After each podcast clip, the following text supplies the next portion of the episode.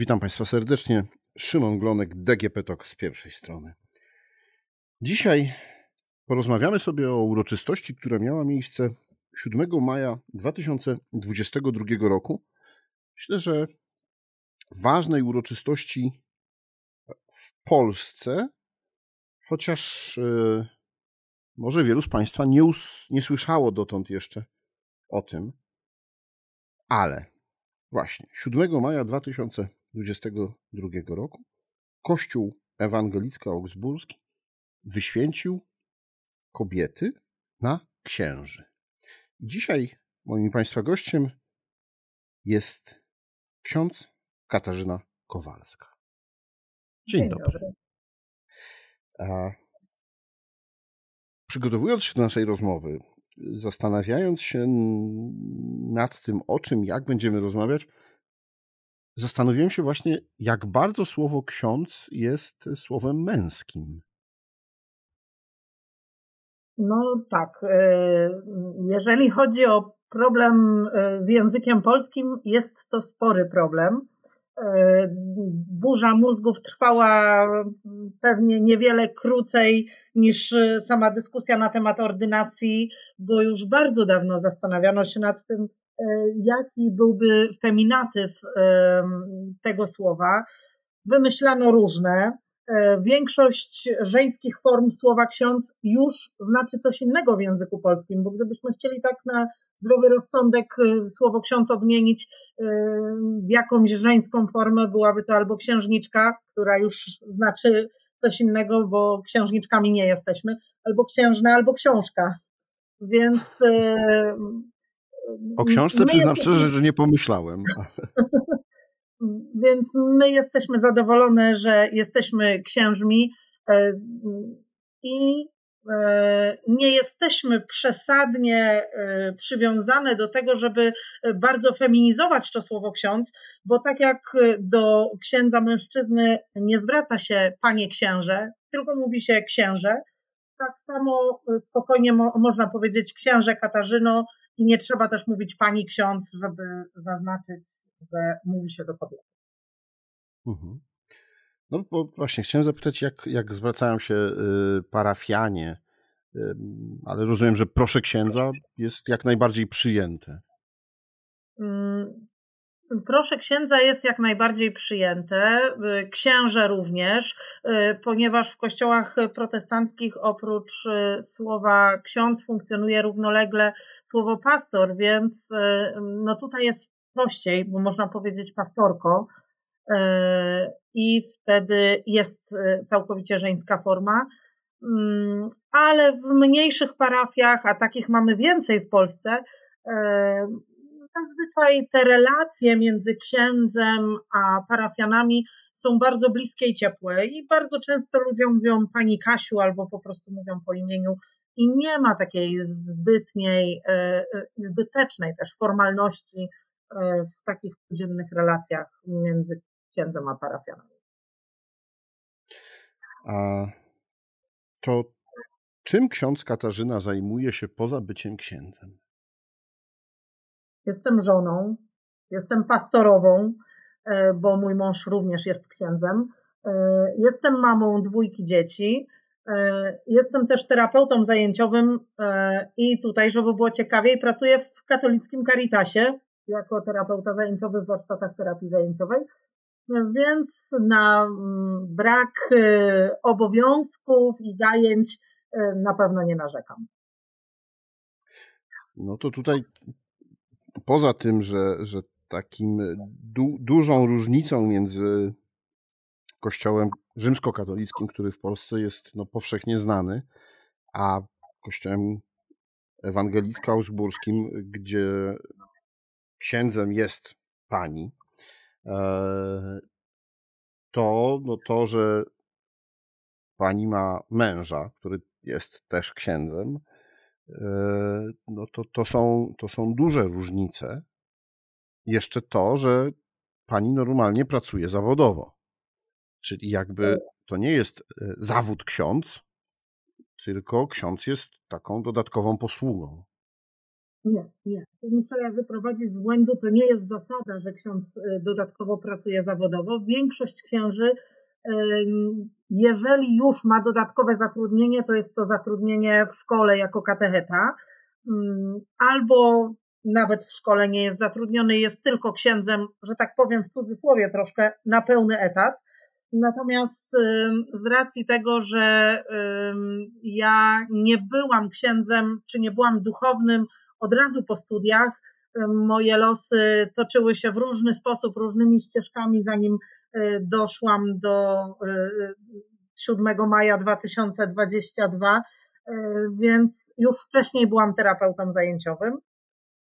A ponieważ bardzo lubię to zajęcie, bardzo lubię moich podopiecznych, no to nie chciałam rezygnować z tej funkcji.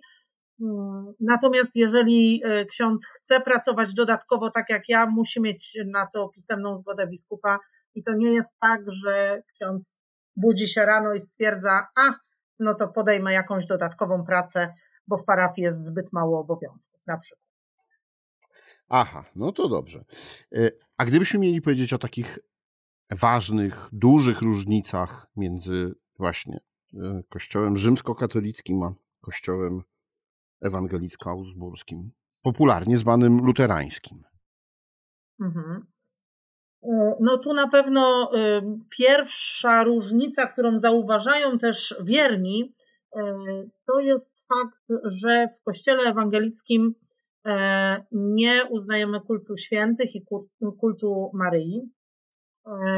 Co to znaczy? To znaczy, że jeżeli chodzi o Matkę Jezusa, Marię, szanujemy ją, czcimy ją dokładnie w taki sam sposób, jak nakazuje czwarte przykazanie, żeby czcić własnych rodziców, a więc szanujemy ją jako Matkę Jezusa.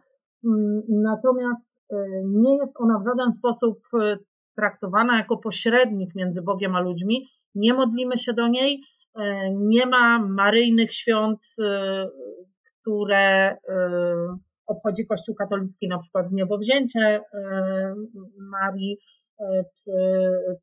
nie wiem, 3 maja, e, święto Marii Królowej e, Polski.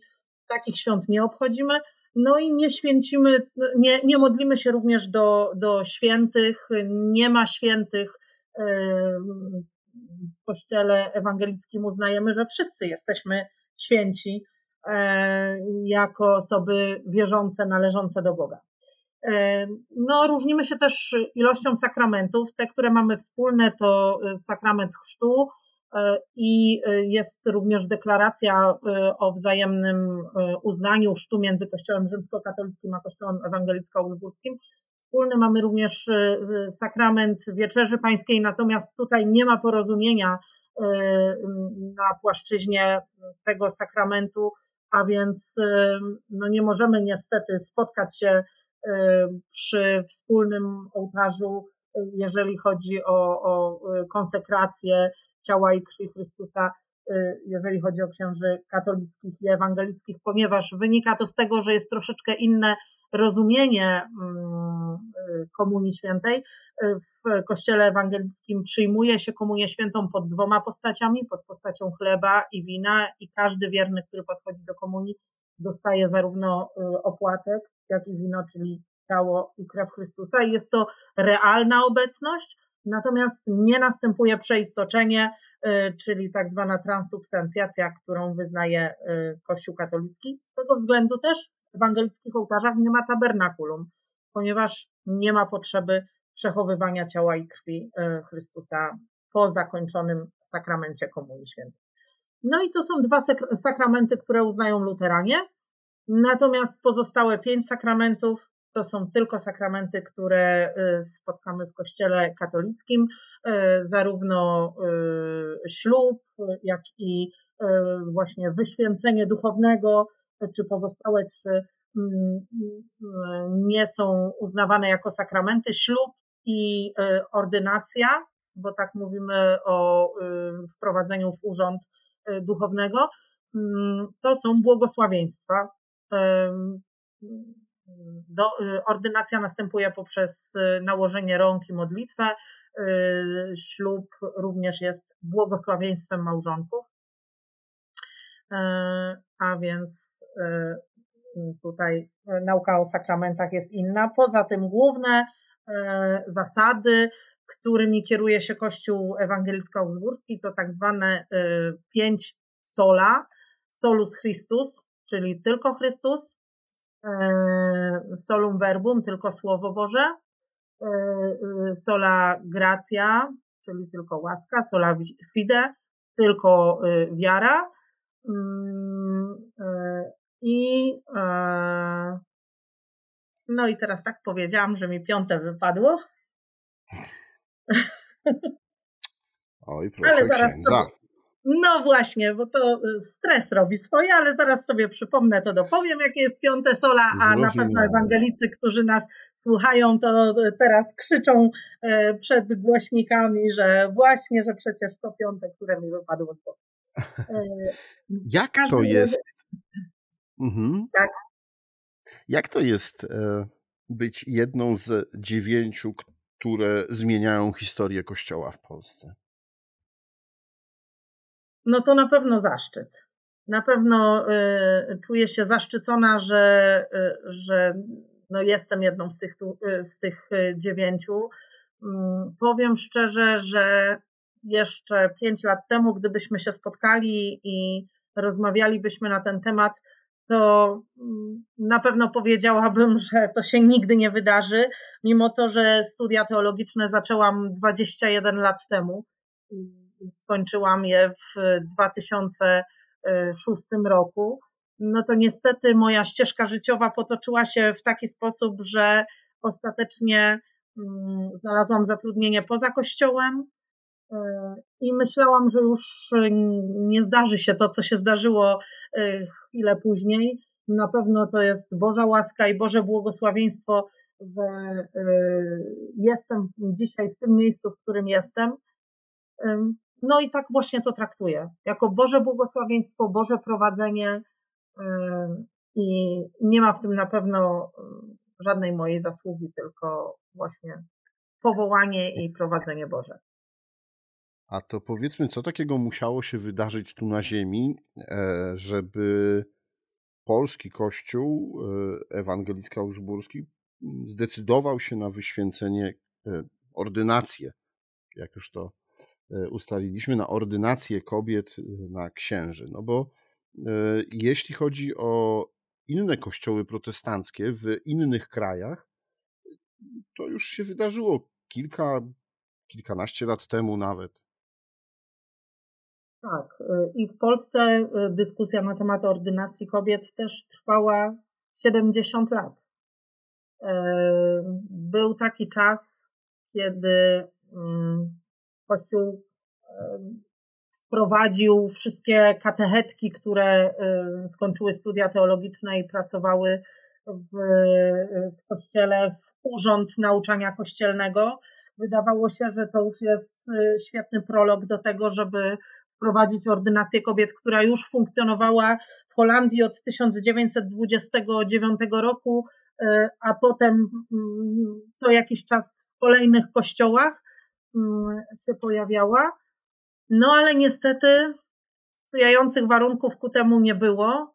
E, kilka lat temu e, powrócono na poważnie do tego tematu i e, cieszymy się bardzo, że 16 października 2021 roku synod Kościoła zagłosował zupełnie nieoczekiwanie dla nas za tym, żeby kobiety zostały ordynowane. To oczywiście było poprzedzone e, wieloma dyskusjami teologicznymi, e, interpretacją tekstów, które były takimi punktami zapalnymi też e, wśród zwolenników i przeciwników ordynacji. Dużym problemem oprócz aspektów teologicznych na pewno były aspekty socjalne. No, sprawa ordynacji kobiet jest o tyle trudniejsza, że kobiety na przykład rodzą dzieci i e, chcą pójść na macierzyńskie, chcą e, mieć urlop wychowawczy, e, co nie dotyczy mężczyzn. No i to był też przedmiot wielu dyskusji w kościele, ale myślę, że przez te 70 lat udało się te tematy na tyle omówić, że dzisiaj ze spokojem kobiety mogą przyjąć posługę księdza, posługę prezbitera i w kościele służyć. A co, jakie warunki muszą być spełnione, y, żeby kobieta mogła być ordynowana na y, księdza do, do tej posługi? Jakie, czy, czy każda kobieta może się zgłosić? No przede wszystkim trzeba mieć skończone studia teologiczne. A ponieważ w Polsce mamy tylko jedną uczelnię, która kształci duchownych y, luterańskich, jest to Chrześcijańska Akademia Teologiczna w Warszawie, więc y, jeżeli kobieta czuje powołanie do tego, żeby zostać duchownym, no to pierwsze, co musi zrobić, to po maturze albo później y, zgłosić się na studia teologiczne, dostać się na tę uczelnię, studiować przez 5 lat, dokładnie tak samo jak mężczyźni. I po mm, pięciu latach studiów, po obronie pracy magisterskiej, mm, składa się podanie do biskupa o skierowanie na praktykę kandydacką, bo tak się nazywa ta praktyka po skończonych studiach. Oczywiście tutaj y, ważne jest też to, jak wyglądało to życie duchowe i zaangażowanie w Kościół przez pięć lat studiów, ponieważ studenci mm, już podczas studiów mają praktyki y, z lekcji religii, mają praktyki E, na obozach prowadzonych przez Kościół, mają również praktyki parafialne, odprawiają nabożeństwa, to są nabożeństwa słowa, czyli bez e, sakramentu Komunii Świętej, mm, ale w ten sposób ćwiczą się już i też sprawdzają, czy faktycznie to jest to, co chcieliby robić e, przez całe życie. Jeżeli biskup przyjmie podanie, odpowie na nie pozytywnie, kieruje kandydata czy kandydatkę, bo droga jest dokładnie taka sama dla mężczyzn i dla kobiet, skieruje kandydata mm, na praktykę kandydacką, wtedy zostaje mu wyznaczona parafia i taki praktykant y, idzie do parafii, gdzie pracuje przez jakiś czas. Zwyczajowo jest to około roku, i tam e, naucza lekcji religii, prowadzi e, spotkania dla młodzieży, odprawia nabożeństwa, prowadzi pracę duszpasterską, e, no i robi wszystko to, co akurat w danej parafii działa, funkcjonuje i, i co zleci mu praktykant jest samodzielnie, tylko ma swojego opiekuna proboszcza. Po roku składa się podanie do y, konsystorza, czyli do takiej najwyższej władzy wykonawczej y, w kościele, o dopuszczenie do pierwszego egzaminu kościelnego. I jest komisja egzaminacyjna, która taki egzamin przeprowadza i zdanie pierwszego egzaminu kościelnego uprawnia do ordynacji, czyli do wyświęcenia na księdza. Taki ksiądz trafia na praktykę y, wikariacką, czyli zostaje wikariuszem i po trzech latach y, bycia wikariuszem może złożyć podanie o drugi egzamin kościelny, który również odbywa się przed tą samą komisją. Tam już jest y, inny zakres zagadnień, bardziej dotyczący spraw administracyjnych w prowadzeniu parafii. No i po zdaniu drugiego egzaminu kościelnego może zostać skierowany przez biskupa do parafii jako proboszcz administrator, a jeżeli ma już pięcioletnie doświadczenie w, w służbie, czyli jest pięć lat po ordynacji, może sam wystartować w wyborach e, na proboszcza, bo Kościół Ewangelicko-Augsburski jest bardzo demokratyczny i e, parafia, która chciałaby mieć e, proboszcza, bo poprzedni akurat poszedł na emeryturę albo przeszedł do innej parafii, to taka parafia ogłasza wakans. Mogą się zgłosić w tym wakansie wszyscy księża, którzy mają właśnie zdany drugi egzamin kościelny i 5, 5 lat po ordynacji. Konsystor zatwierdza listę zgłoszonych kandydatów i wtedy wyznaczany jest termin takiego nabożeństwa prezentacyjnego, na którym dany kandydat wygłasza kazanie, potem jest spotkanie, kiedy parafianie mogą mu zadać pytania, porozmawiać z nim, nawiązać z nim jakąś relację i po prezentacji wszystkich kandydatów parafianie po prostu sami decydują, jakiego chcą mieć proboszcza.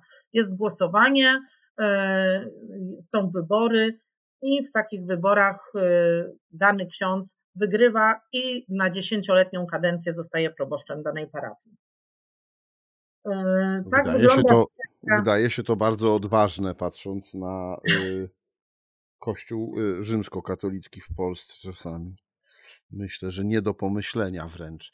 Y, Rozumiem, że pani jest teraz e, na tym pierwszym stopniu, czyli nad wikariuszem. Tak. E, czy proboszczem, czy, czy pani proboszczem jest pani mąż?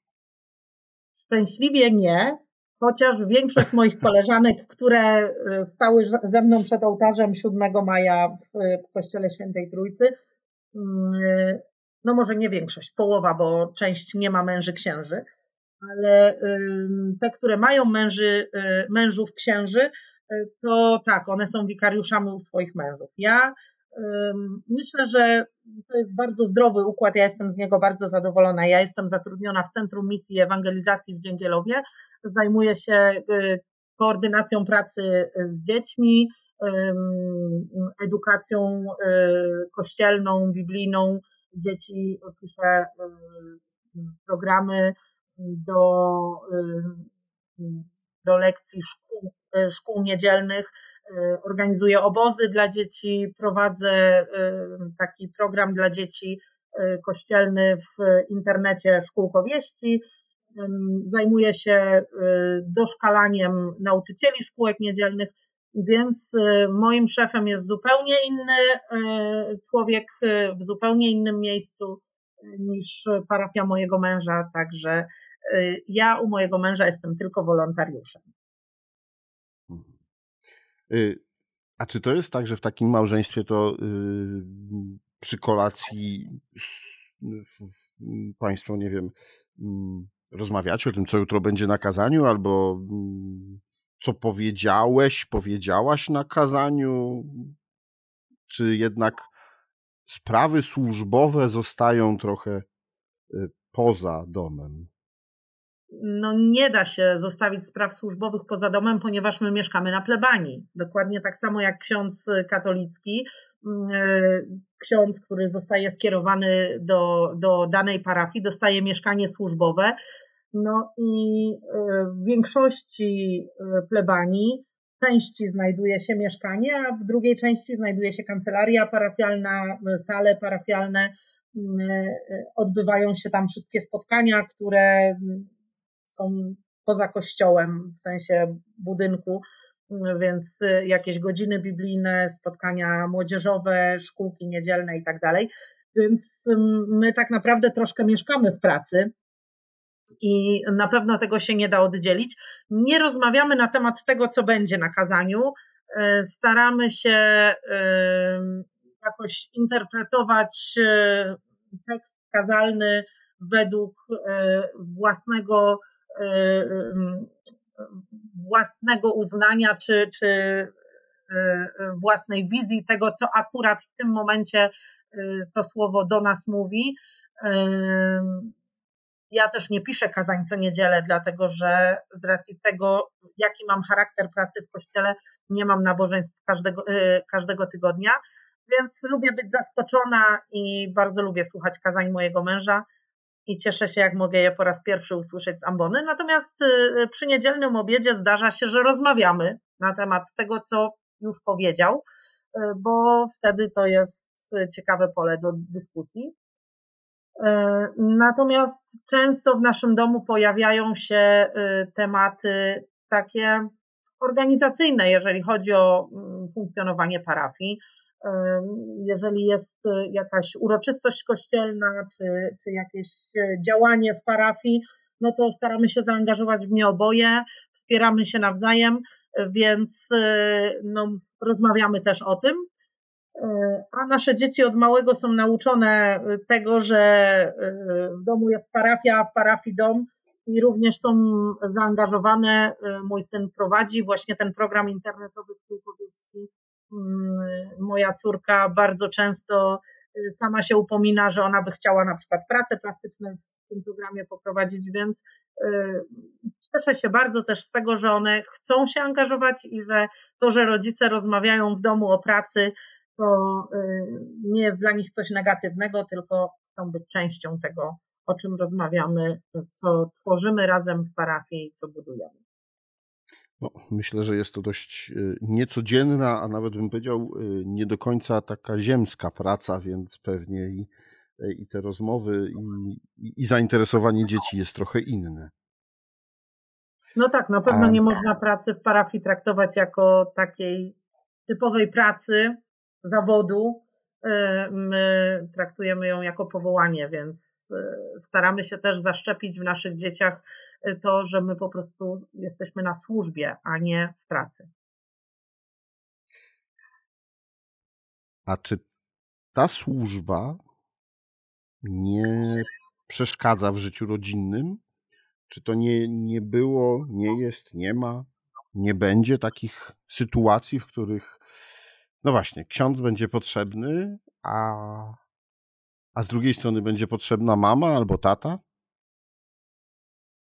Mm, oczywiście zawsze jest takie ryzyko, że y, pewne obowiązki y, domowe czy praktyki domowe mm, trzeba jakoś godzić y, z mm, pewnymi obowiązkami i praktykami kościelnymi. No i dobrym przykładem tego są święta, kiedy wszyscy ludzie mają wolne i świętują, siedzą przy stole wigilijnym na przykład, to my ten czas na wieczerzę wigilijną mamy ograniczony, ponieważ e, obsługujemy dwa kościoły e, i w jednym kościele nabożeństwo jest o 16.30, trwa mniej więcej godzinę, więc jesteśmy, że tak powiem, gotowi do tego, żeby siąść do wieczerzy wigilijnej po godzinie 18, bo wiadomo, że, że część rzeczy jeszcze y, trzeba przygotować na świeżo, y, na przykład zagrzać y, przed wieczerzą wigilijną, a o 22 mamy nabożeństwo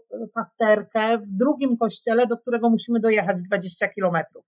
Więc kiedy siadamy do wieczerzy wigilijnej, to nie możemy usiąść do niej z pierwszą gwiazdką, tak jak siadają niektórzy Polacy, albo nie możemy posiedzieć do 24 do pasterki, tak jak y, siedzi większość katolików, tylko wiemy, że ten czas jest od 18 do 20, na przykład do 20.30 maksymalnie, no i musimy się w tym czasie zmieścić, ale no nie jest to na tyle krótki czas, żebyśmy nie mogli celebrować y, tego rodzinnego spotkania też i, i cieszyć się tą wieczerzą wigilijną, także staramy się to jakoś godzić.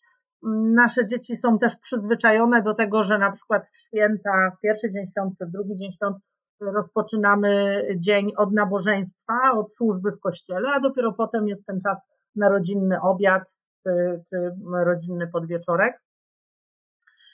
E, jeśli chodzi o takie e, sytuacje awaryjne, które się w życiu zdarzają, że na przykład trzeba jechać z ostatnią e, komunią do kogoś umierającego, no to mamy to szczęście, że y, oboje mm, mamy możliwość, żeby pojechać, a dzieci y, są przyzwyczajone też y, do tego, że jak dzieje się coś w parafii, to na przykład parafianie przyjeżdżają z dziećmi i dorośli siedzą na spotkaniu, a dzieci na przykład idą się bawić do dziecięcego pokoju no i też e, na szczęście nasze dzieci są na tyle e, gościnne, że nie miały nigdy z tym problemu, że na przykład tłumy obcych dzieci ich odwiedzają. E, także no za to też jesteśmy naszym dzieciom wdzięczni, że akceptują to, w jakim domu się urodziły. A jeżeli chodzi o takie jakieś zewnętrzne piętnowanie tego, że o, tak się zachowujesz, a masz tatę księdza, czy tak się zachowujesz, a masz mamę księdza, to staramy się bardzo z tym walczyć. Staramy się o to, żeby nasze dzieci nie były napiętnowane z tego względu, że ich rodzice są duchownymi, żeby nie czuły się, że muszą być w jakiś szczególny sposób, nie wiem, wzorem do naśladowania. Staramy się o to, żeby mogły mieć normalne dzieciństwo i żeby nikt nie postrzegał ich przez pryzmat rodziców nie muszą być aniołkami, od razu mogą troszkę psocić.